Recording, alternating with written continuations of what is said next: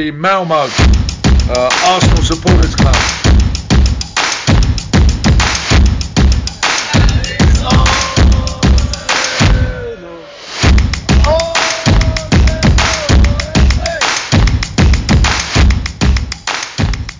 Då hälsar jag varmt välkomna till Arsenal Malmös podcast med mig Rickard Henriksson. Idag den 11 maj är det svårt att känna sig positiv. Så här mitt i pandemin, vädret är skit och vårt älskade Arsenal som gjort sin sämsta säsong, i alla fall under min livstid. Så vi tänkte be om ur, ursäkt på förhand om denna podd blir lite negativ. Jag är säker på att det kommer sågas ganska ordentligt här, både till höger och vänster.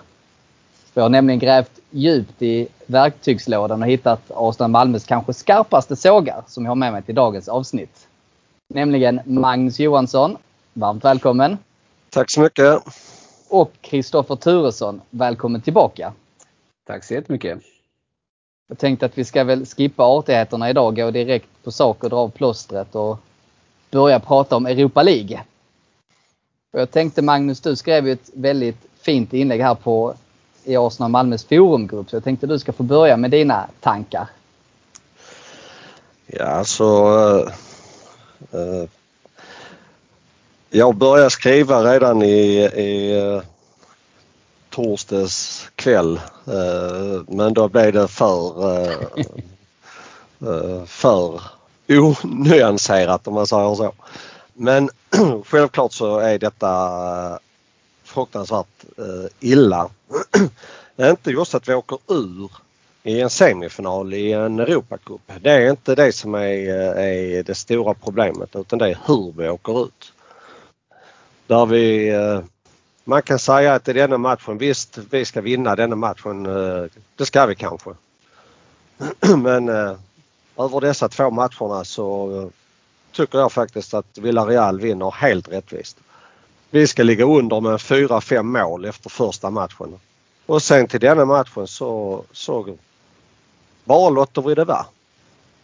Vi ger initiativet till dem och vi backar hem och ja, jag tycker det var, det var rent ut sagt eh, kast. Men med det sagt så är det inte just att, det är, att vi åker ut mot Villarreal som är det fruktansvärda utan det är liksom övriga säsongen som är, eh, är horribel som sagt det är inte att vi åker ut i en semifinal som är det dåliga. Utan det är ju att vi ligger 10, 9, 11 i, i eh, ligan som är det dåliga. Det blir ju så att den, denna insatsen summerar i säsongen i sin helhet väldigt bra och jag eh, håller med dig helt och hållet. Det är inte att vi åker ut just i semifinalen utan det är sättet vi åker ut på. Vad är dina tankar Kristoffer? Nej, jag instämmer väldigt mycket där just med sättet. Eh, alltså, ja, vi, vi pratade om det när jag var med sist. Där. Det, är, det är dubbelmöte, eh, 180 minuter. Eh, ser man då, vi pratade lite hur ska vi spela nere i Spanien. Eh, de går ut, i min värld, nästan överkörda. Eh, har en press eh, absolut bra där första 15-20 minuterna men två, tre passningar, en snabb högerback och sen så är det mål. Eh, och sen så tycker att vi Villarreal styrde matchen och sen är det alltså sättet som man uppträder på Emirates. Alltså jag mådde dåligt i 90 minuter. Det var, jag trodde inte på det. Inte, inte en enda gång nästan när de spelade. Det var som en sån känsla i magen. Man bara satt och mådde dåligt. Uh, och det, jag tycker det är helt sjukt hur man kan ha det läget som de ändå hade med den turen de hade från första matchen och sen ändå inte gå ut och ge 110 procent. Eh, jag hörde förra podden här, någon som lät som Bojan men uh, det är väl lite så. Alltså de förtjänar inte att spela i tröjan. Jag vet inte hur många gånger han sagt om United-spelare på Viaplay. Alltså, ja, det förtjänas inte att åkas ut på det sättet. Inte att vi åker ut men som jag håller med båda två. Både, att det sättet, det är fruktansvärt. Och jag förstår inte hur Arteta bland annat tänker. Eh, 20 minuter lyckad press borta mot Villarreal hemma. Som vi säger här, backar hem, låter dem få initiativet och sen kommer vi aldrig in i matchen.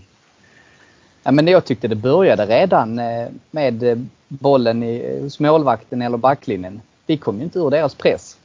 Det kunde gå 10 minuter där det kändes som att vi kom inte ens över mittplan. Visst att det kan se ut så i första halvlek, det kan jag väl kanske köpa. Men då måste, måste man ju justera det. Både spelarinställning, eh, Arteta måste göra taktiska justeringar och sen så framförallt, var är viljan? Jag tyckte det var inte en enda spelare som visade vilja på planen. Nej, alltså vi, återigen så, så är vi vi är så beroende av att det ska fungera för våra 19-åringar. Eh, och fungerar det inte för dem så, så fungerar inte spelet eller pressen eller någonting hos oss.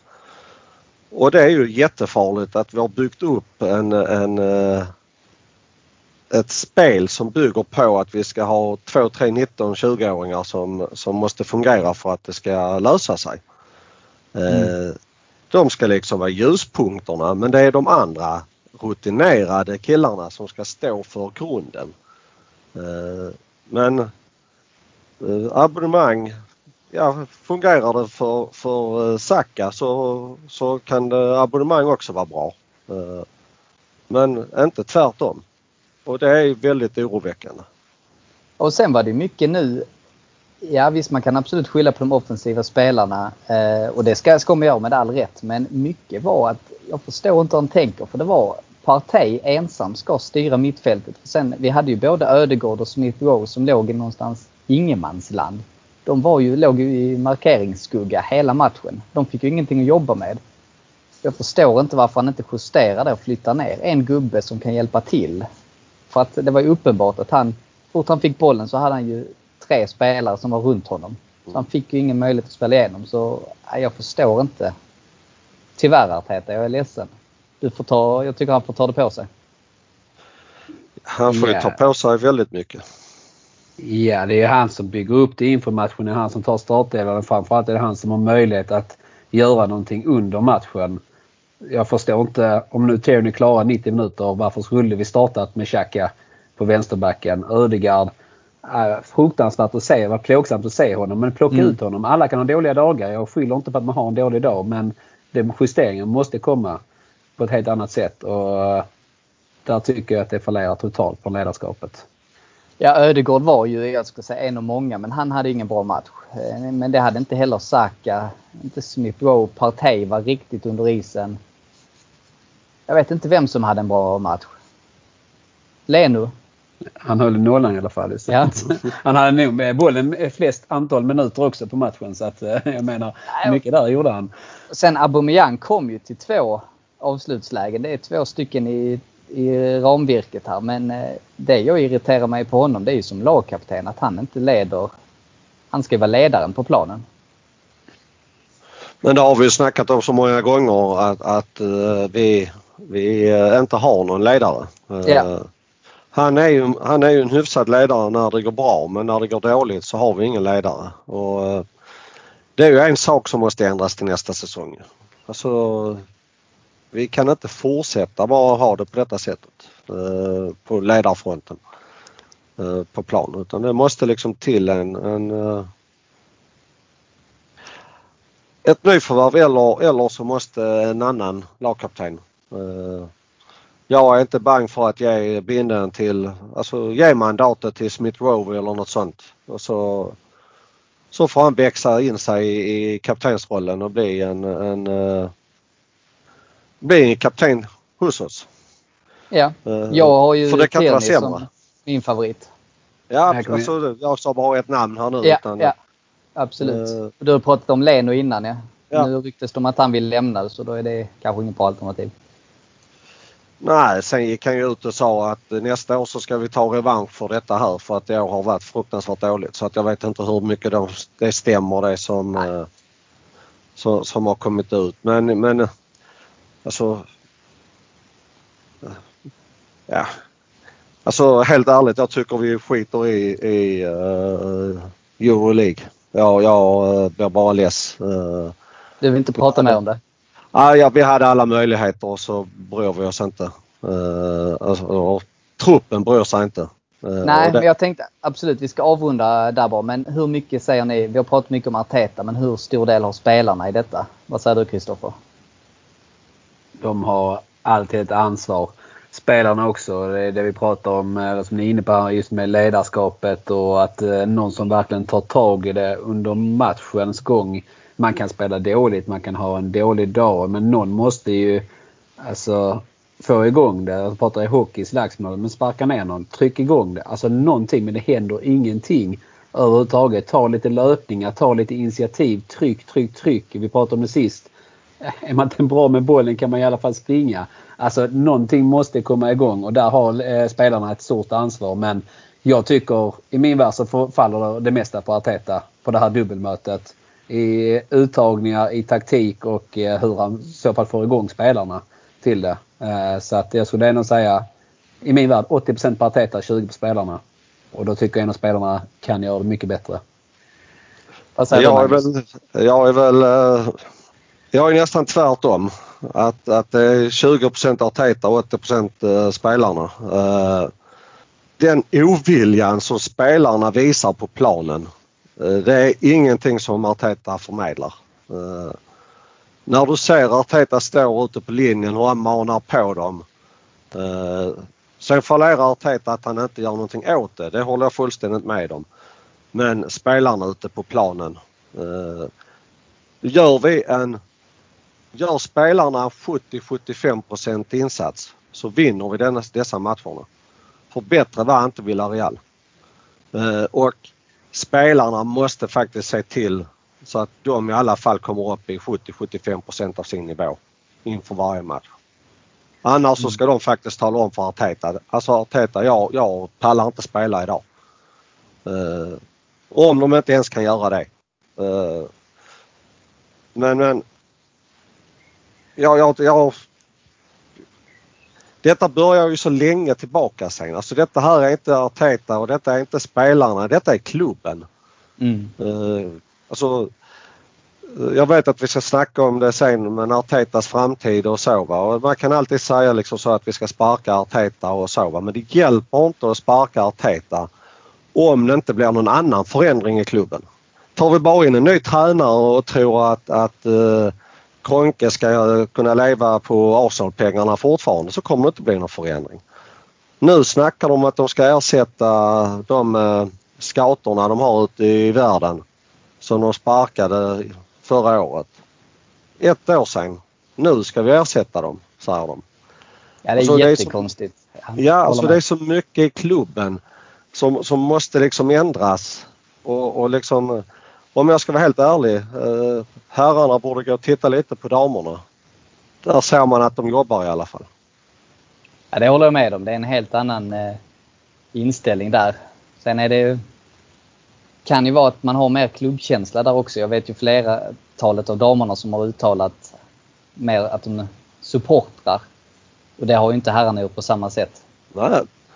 Men då, det, är, det är någonting det. som man måste börja titta på. Alltså, eh, Alltså jag kan ju säga så här att jag hade ju mycket hellre sett Arsenal i Championship med spelare som gav 100% jämfört med de här primadonnorna som springer runt och halvlallar. Det är min åsikt. Jag hade tyckt att även det är klart att är, man vill vinna titlar och spela de stora matcherna. Men personligen hade jag mycket hellre sett oss i Championship om det hade inneburit att vi hade spelare som 100% brann för klubbhjärtat. Ja, alltså jag, jag förstår hur du menar eh, och så men jag hoppas verkligen inte att det ska behöva gå så långt. Eh, Nej, det hoppas ju jag också.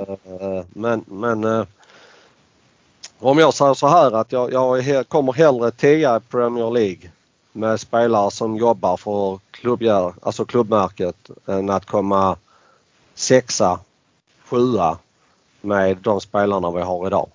Det, det, alltså det är för mig Öst. Där är vi eniga. Vad säger du om det Kristoffer? Alltså, ja, jag, jag, är upp och ner. Jag, jag, jag, vet inte om jag gillar att såga spelarna i det eller tränarna eller framförallt. Men jag anser alltså det, det är fullt kapabla fotbollsspelare. Alltså, ja, vi pratade lite om veckan. Alltså, det är klart att vi ska kunna vara topp 6 egentligen om vi bara ser till truppen och kunna konkurrera topp 4 enligt mig i alla fall om vi har ett bra år.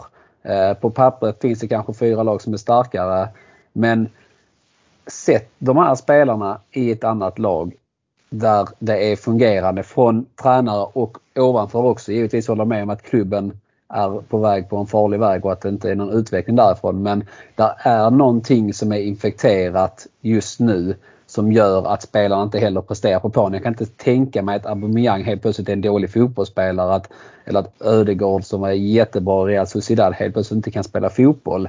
Utan det är, där är någonting annat som ligger bakom och det är det som är problemet anser jag i, i klubben för tillfället. Och ja, det börjar hela vägen uppifrån. Och lyssnade på några här eh, från London, eh, deras podd. Så de, de pratade mer eller mindre att klubben för tillfället är rutten rakt igenom in i kärnan.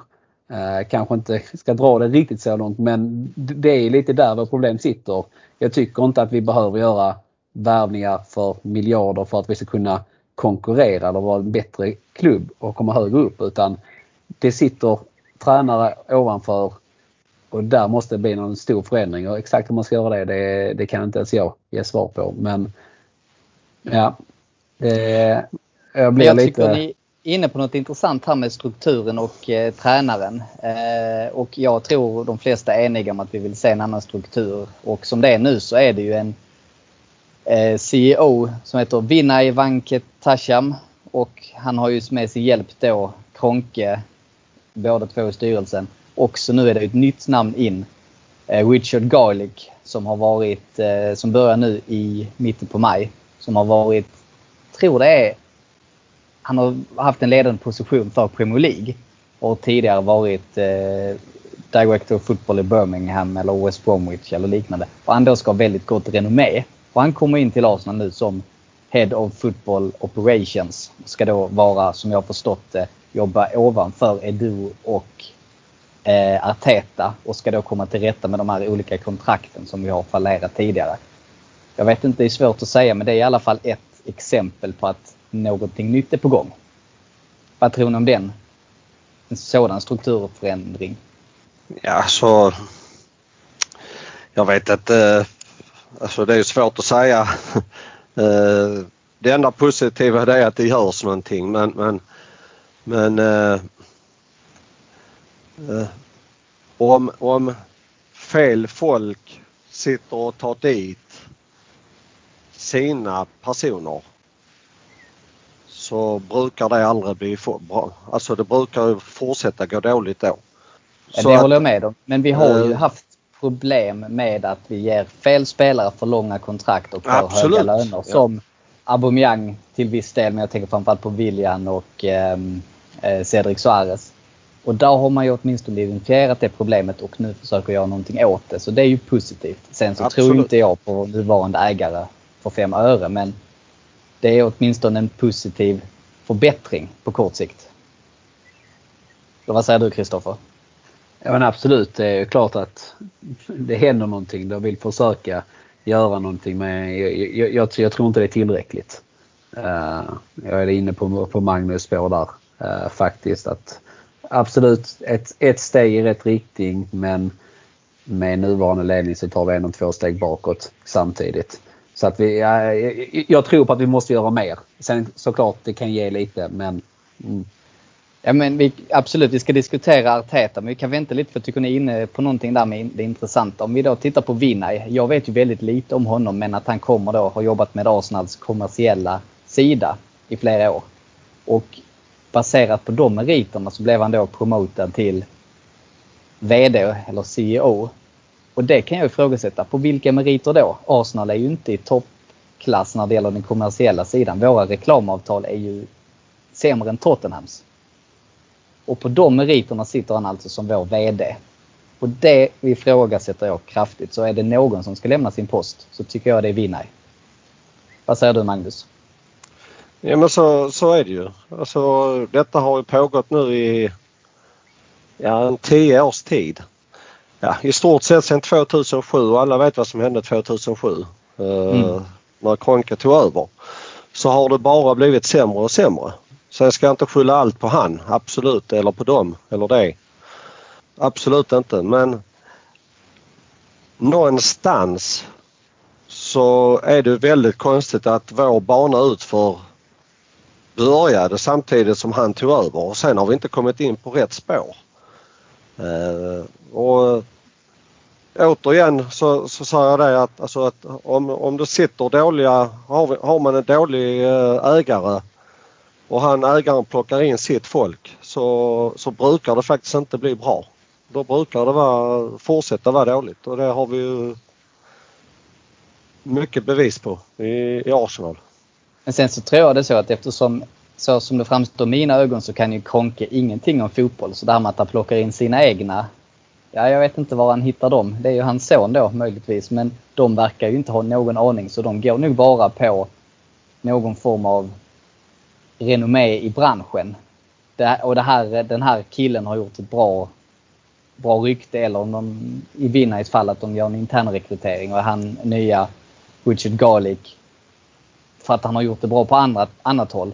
Och det är ju det som brister tycker jag. Det är fotbollskunskapen hos Kronkis inte finns utan de, de är van vid den amerikanska sportmarknaden. Det är något helt annat med franchise och stängda ligor. Och helt annan kommersiell hantering som krävs där. Sen kan man fråga sig eh, egentligen uh, uh, vi skyller ju mycket på Kronke men uh, där fanns ju folk som sålde sina aktier till han. Uh, Absolut. Uh, som har gjort och, sig en förmögenhet på det. Ja. och ja. Det är många som är skuld till detta här och det enda, jag, det enda jag vet säkert är att, att jag är inte skuld till det i alla fall. det är ingen det, av oss tre som är det i alla fall. Ja, men men eh, alltså jag, jag, jag kan känna att det behövs en helt ny start. Eh, eh, vi behöver en ny ägare som, som kanske inte sitter och har 80 miljarder på banken men som kanske har ett brinnande intresse. Då givetvis i, i Daniel Ek hade varit jätteroligt. Ja. Som liksom hade kommit in med nya friska ögon. Ja, kommit in med, med energi i alla fall. Det är liksom en som och ser de flesta matcher redan idag som liksom hade varit där och visat sig. Kronke är ju aldrig där. Nej, och jag tror Daniel Ek hade ju garanterat rensat upp, börjat med ledningen uppifrån och sen rensat ner? Ja, eh, sen är jag kanske inte helt för att, att eh, ta in alla dessa som nu pratar ska komma in med både Bergkamp, eller båda, med, med alla. Bergkamp och Henri, eh, Wenger, Viera. Det låter jättebra men jag tror inte det är lösningen på alltihopa att ta in liksom eh, eh, de vet inte hur det är att styra en fotbollsklubb. Alltså, eh, de kan göra det med hjärta, absolut. Men man måste också vara kunskap eh, till det. Eh, och det vet jag inte om alla dessa. Ja, Wenger vet man ju att han är ju eh, väldigt klipsk. Eh, så att han hade väl klarat av det. Men de andra har liksom inga eh, erfarenheter av att sitta i några positioner i en fotbollsklubb. Eh. Ja, det håller jag med om. Där är jag också lite tveksam. Jag hade nog velat ha dem någon form av kanske rådgivande roll snarare än att de skulle jobba som strategiskt styrelsearbete. Vad säger du Kristoffer om det? Ja, jag tror väl på eh, att, eh, att det behöver förändras. Det kan ju ingen, eh, ingen säga emot. Sen tror jag lite på att en mix av det såklart. Vi behöver fotbollskunnig, vi behöver de som brinner för klubben. Men vi behöver också någon som kan styra, som vet hur det är att styra en fotbollsklubb eller ett väldigt stort företag Eh, som har den kunskapen. Så att en mix av det skulle väl egentligen kunna vara det bästa i alla världar. Sen är det ju också att var, var ser vi Arsenal om 5-10 år och var är fotbollen på väg för tillfället? Är det så att vi behöver någon som är extremt, extremt kapitalstark eller behöver vi någon som brinner för klubben eh, Eh, för att behålla den kulturen som vi har? Och då gäller det att se men var, var ska vi kunna konkurrera om 5-10 år?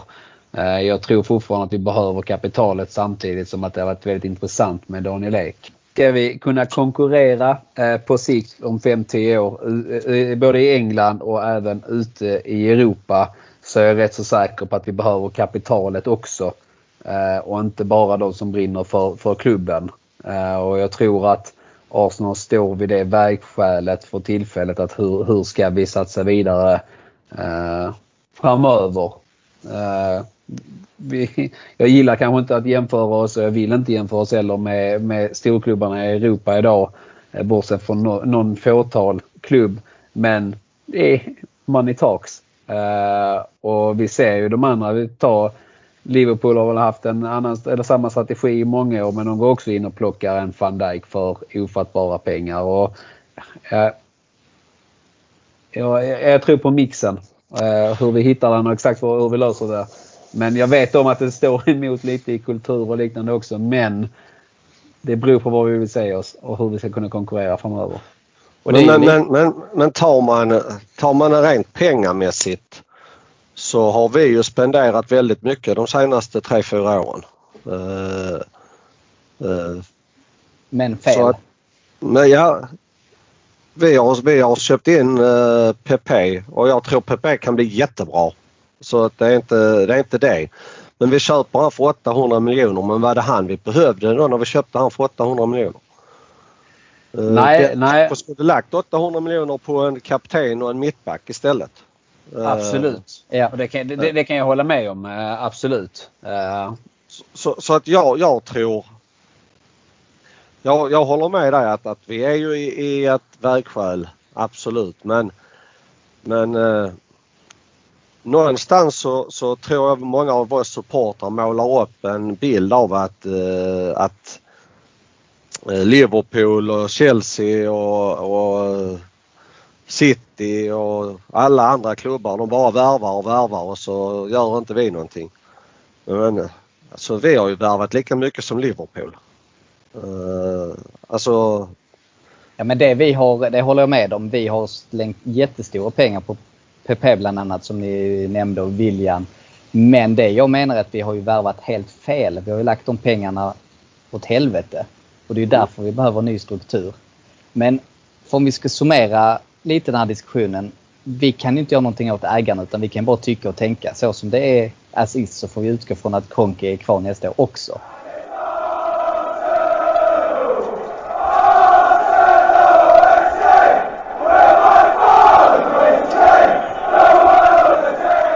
Bli medlem i Arsenal Malmö. För endast 100 kronor får du rabatter hos våra samarbetspartners Jacksport i Svedala, Limmans Biltvätt och Saxen the City samt hos våran stampub Sir Tobis.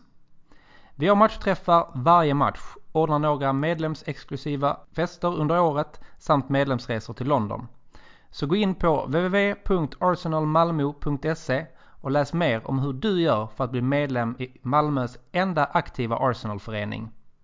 Se också till att följa oss på Facebook där vi heter Arsenal Malmö, Instagram där vi heter arsenal.malmo och Twitter där vi heter Arsenal Malmö. Välkomna till Arsenal Malmö!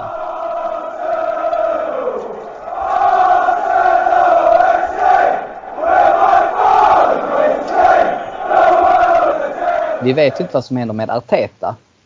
Och det är ju lite närmare supportrarna så lite lättare att ha en relation till. Så jag tänkte vi ska diskutera lite kort om Arteta också. Kristoffer, eh, vad, vad, tycker du om Arteta? Hur ska, vi, ska han vara kvar eller ska, tycker du att han ska gå? Jag tycker han ska gå. Eh, det är jag fast bestämd. Jag, jag gillar Arteta. Eh, jag tycker att det är rätt vi har gett honom chansen. Jag tycker att det funnits, funnits ljusglimtar i det. Men jag tycker att det brister alldeles för ofta. Eh, jag, jag, tycker inte han håller måttet. Jag tycker att, lite som jag pratade innan det här med vägskäl och liknande. Vi, vi har, och det är lätt att göra, men vi har famlat efter Wenger och inte hittat rätt i tränare eh, och liknande anser jag.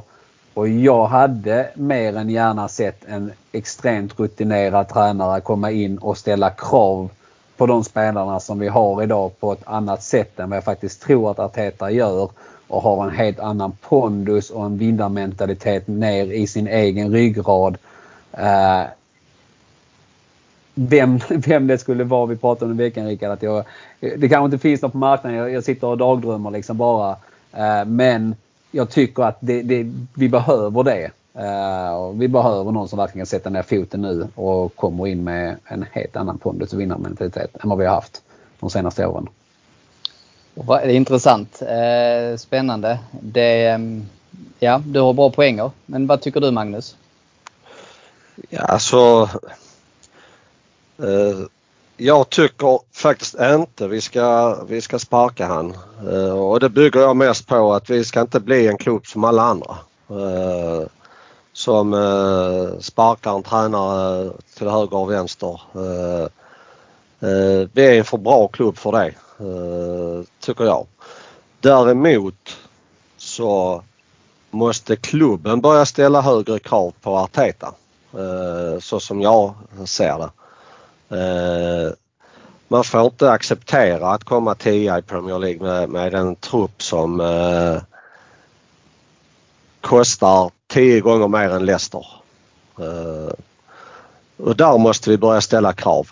Eh, och det tror jag eh, de som är ovanför eh, för eh, Arteta inte gör i tillräcklig utsträckning. Är du och han, ja, han du nämnde innan. Vinay. Vinay. Alltså det, det är jag, tycker, jag tror faktiskt det är de som är mesar. Som inte talar om vad, vad Arteta har för krav på sig. Och sen då har en VD som, eh, eller en ägare som inte kan någonting om fotboll. Som, ja, vad ska, vad ska han ställa för krav? Han vet ju inte vad han pratar om. Så att jag, jag, jag tycker inte vi ska sparka han. Men däremot så måste han få en större kravbild på sig. Och den kravbilden får man gärna alltså prata ut att detta, dessa kraven har vi på Arteta nu nästa år. Om jag bara får flika in en snabb sak där Absolut. Eh, på den. Eh, och det är egentligen men vad, vad fanns för kravbild inför säsongen. Eh, det är inte hans första år. Eh, så sett. Eh, han klarade FA-cupen förra året. Bara det tror jag räddade många supporters hjärta i alla fall. Eh, och jag bara tänker att slutar vi, jag vet inte var vi slutar i tabellen, eh, men att säsongen inte har blivit bättre och att han får sitta kvar och vi ska ge det 10-15 matcher in i nästa säsong och ingenting ändras. Då tycker jag att man visar utåt att det finns ingen tydlig kravbild och jag håller med dig att då får man visa den utåt men förlåt, jag tycker det är för sent för honom. Som sagt, jag hoppas att han, att han eh, får en högre kravbild på sig. Att, att detta är inte acceptabelt. Vi måste liksom... Vi får inte komma under sexa. Alltså det, det är helt oacceptabelt och den kravbilden måste komma ut så att alla vet om att eh, vi har den kravbilden på oss. Eh, tyvärr så spelar ju Arsenal, har de gjort i många år, att vi ska ju alltid vinna ligan och vi ska alltid göra ditten och datten och, och, och det är bara ett snack utåt.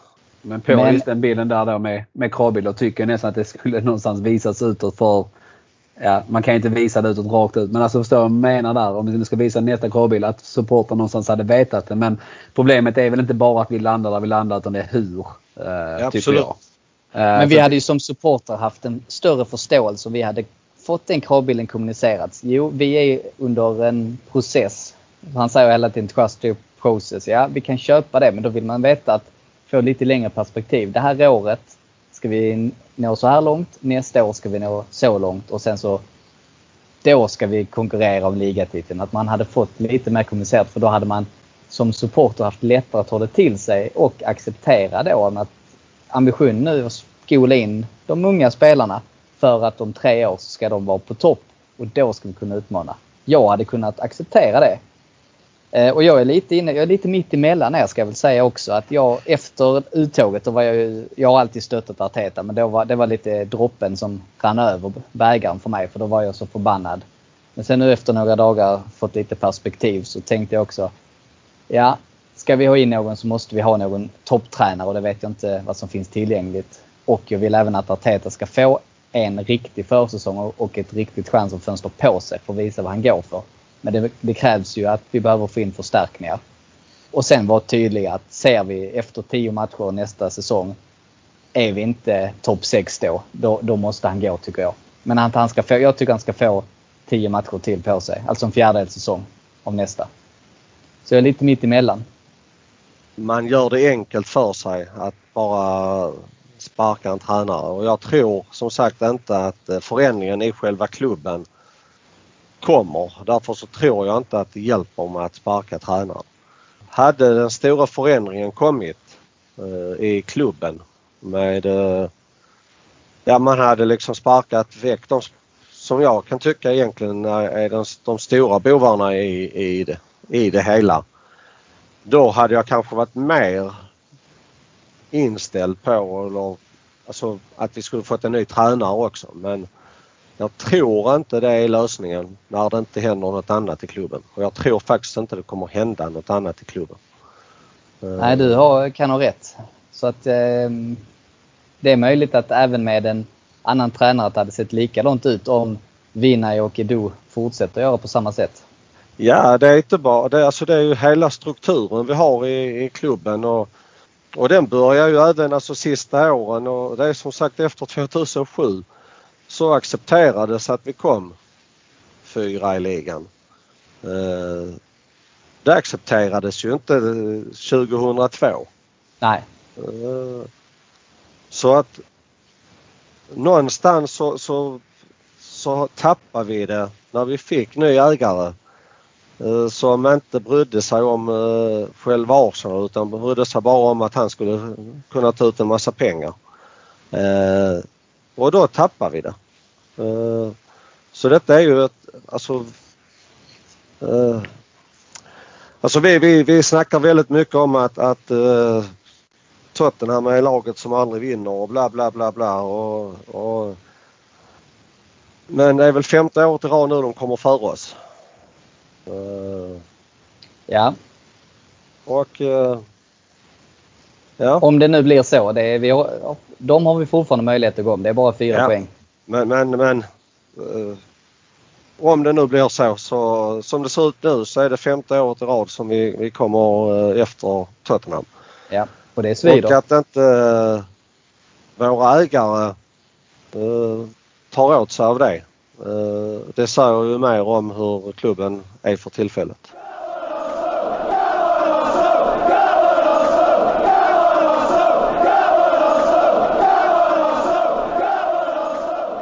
Men jag tänkte att vi ska, eh, det var bra diskussioner. Jag tänkte vi ska avsluta lite positiva här och byta ämne till Newcastle-matchen som, eh, förlåt inte Newcastle, det är andra gången nu jag skrev det till er också. Det är ju West Bromwich vi mötte i söndags.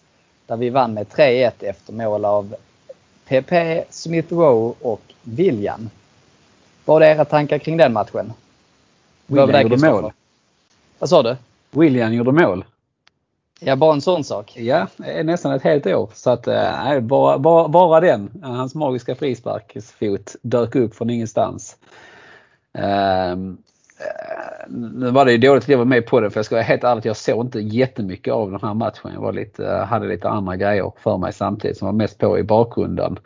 Eh, men så att jag har inte, faktiskt inte jättemycket input. Men jag tycker det var skönt att studsa tillbaka men det känns väl också, det blev lite jaha, okej, okay, vi vann efter torsdagen så, så kände jag nog egentligen bara att ja, spela på. Sen tycker jag, jag, jag förstår inte varför vi inte gör med andra, eh, roterar mer i elvan där. Varför ska Ceballos spela från start när han mm. eh, troligtvis inte kommer vara med nästa år? Eh, varför ger vi inte chansen nu till de unga? För min del, ja såklart, före Tottenham har vi den möjligheten så ska vi ta den alla dagar i veckan. Men om vi slutar 8, 9, 7 då säger jag hellre att vi i så fall får en syn på vad, vad ska satsas på nästa år. Ge de unga mer eh, speltid, mer chanser. Uh, för att testa på Premier League-fotboll på högsta nivå liksom. Uh, och att kunna utvecklas i den biten. Det är väl det jag känner, min spontana känsla. Från matchen har jag inte jättemycket att säga så jag lämnar till Magnus helt och hållet. Mm. Och du såg den garanterat. Ja det gjorde jag. uh, Nej, detta var en träningsmatch i, i slutet av juli eh, kändes det som. Så var tempot och så var inställningen. Ett lag som redan hade trillat ur, så gott som redan hade trillat ur och ett lag som eh, inte brydde sig särskilt mycket. Eh, då visar vi att vi är ju så pass mycket bättre.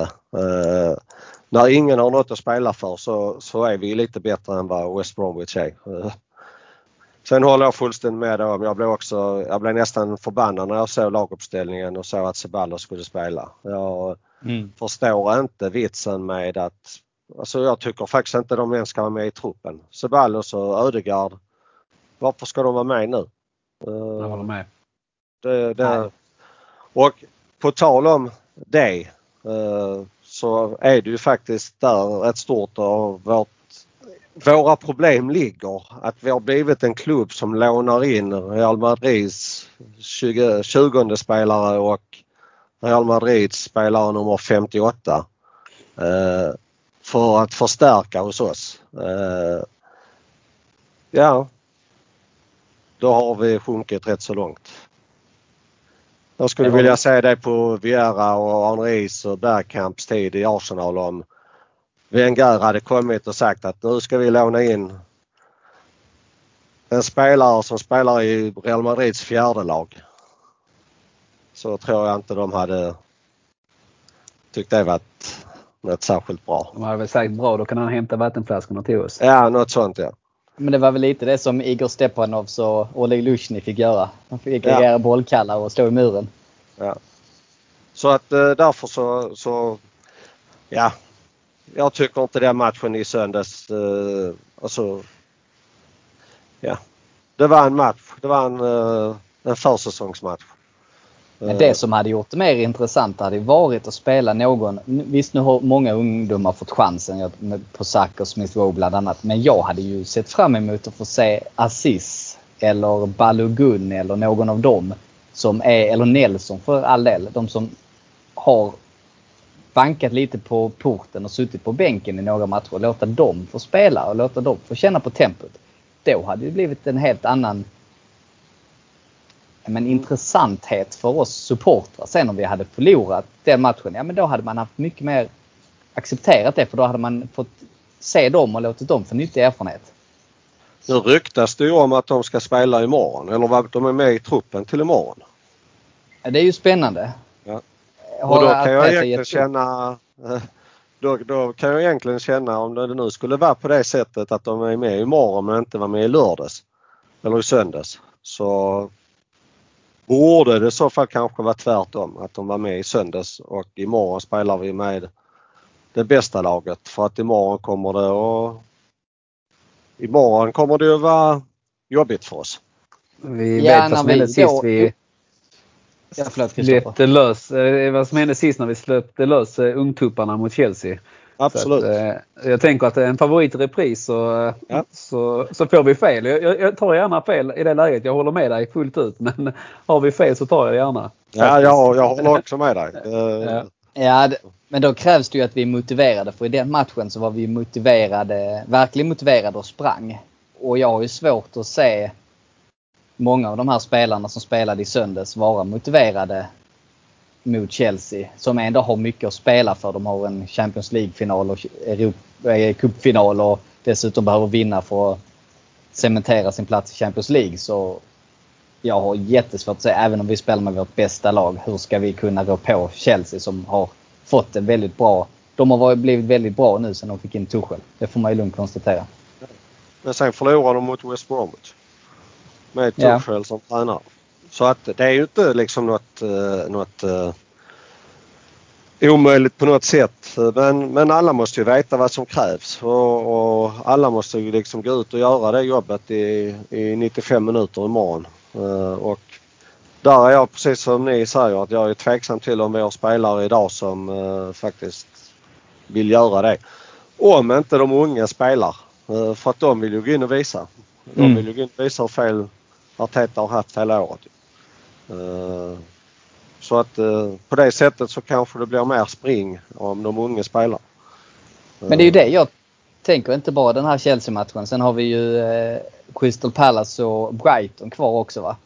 Om vi vinner dem så kan vi väl som bäst komma sjua har jag räknat till. Möjligtvis sjätteplatsen med maxpoäng.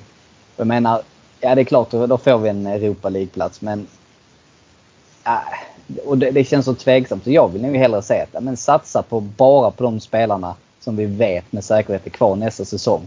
De som ryktas ut, Bellerin, eh, Lacazette då tveksamt. Jag, jag tycker inte någon av dem ska spela och inte Ceballos och Ödegård utan bara de som har en framtid i klubben. Jag håller med. Får det. Eh, som sagt, jag säger gärna de unga för då, då, då kommer de, de ha någonting att spela för.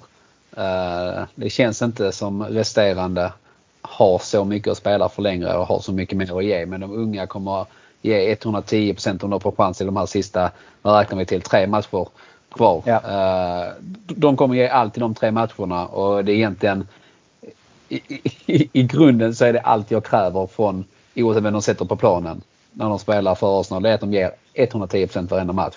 Och det, det, det hade vi velat se sista tre matcherna. Däremot så hoppas jag ju att eh, om det nu blir publik eh, på sista hemmamatchen som det ryktas om Eh, och då, om det då är Bellerins sista match så hoppas jag sig att han får spela sista matchen. Absolut. Ja.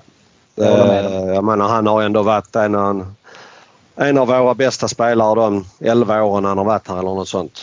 Det, det får vi inte ta ifrån han. Det är nu detta, ja de två senaste säsongerna kanske som han inte har varit, varit helt hundra men de övriga åren har han varit, tycker jag, varit en bland våra bättre spelare. Så att jag tycker han förtjänar ett, ett, eh, ett, ett värdigt avslut. Om det, det nu är så, så, att han ska lämna. Då, då tycker jag att han ska spela. Jag håller med dem. Men vad tycker ni annars nu? Ska vi satsa för fullt då? Vad tycker du Magnus? För vi har ju ändå en chans att komma sjundeplats och en sjundeplats ger ju spel i det nya Europa Conference League. Tycker ni det är värt att satsa på det? Nej, absolut inte. Jag håller fullständigt med att vi ska köra med våra egna spelare för det första. Uh, Ödegard och Ceballos kan åka hem till Spanien redan nu för min del. Uh, mm. Och det är inte för att jag tycker de har gjort sämre än något annat men de kommer inte vara här nästa år. Dels har vi inte råd att köpa ut Ödegard. Uh, och sen så vill jag inte att vi köper ut Ceballos. Eh, så att de, de ska inte vara med i trupperna tycker inte jag. Eh, och sen som sagt eh, försvinner Lacka så behöver inte han spela nu heller. Det, måste, det beslutet har han ju tagit redan nu. Då kan han ju eh, alltså hoppa över och spela dessa matcherna då så att vi spelar med de spelarna som, som vi tror på till nästa säsong. Eh, för att vi har ju väldigt, väldigt bra eh, unga spelare som, mm. som vi, jag tycker vi ska bygga laget kring. Jag, jag kan ta två, tre år nu att vi bygger upp en, en, ett, nytt, ett nytt lag med spelare med Arsenal-hjärta och, och, så. Det har jag inga problem med. Men, eh, men då måste det vara det vi ska göra. Och inte liksom köpa in halvdana eh, mittbackar eller något sånt som jag har gjort till förbannelse. Nej, jag håller helt med dig. Jag ja, också. Det... Nej, jag håller med där också. Uh, helt och hållet. Med de orden så tackar vi för oss och då har ni fått en klar bild över vad vi hoppas på de sista tre matcherna här. Så jag tackar dig Magnus och dig Kristoffer för denna veckan. Tack själv. Tack så mycket. Tack för att ni har lyssnat och så hörs vi igen nästa vecka. Ha det gott!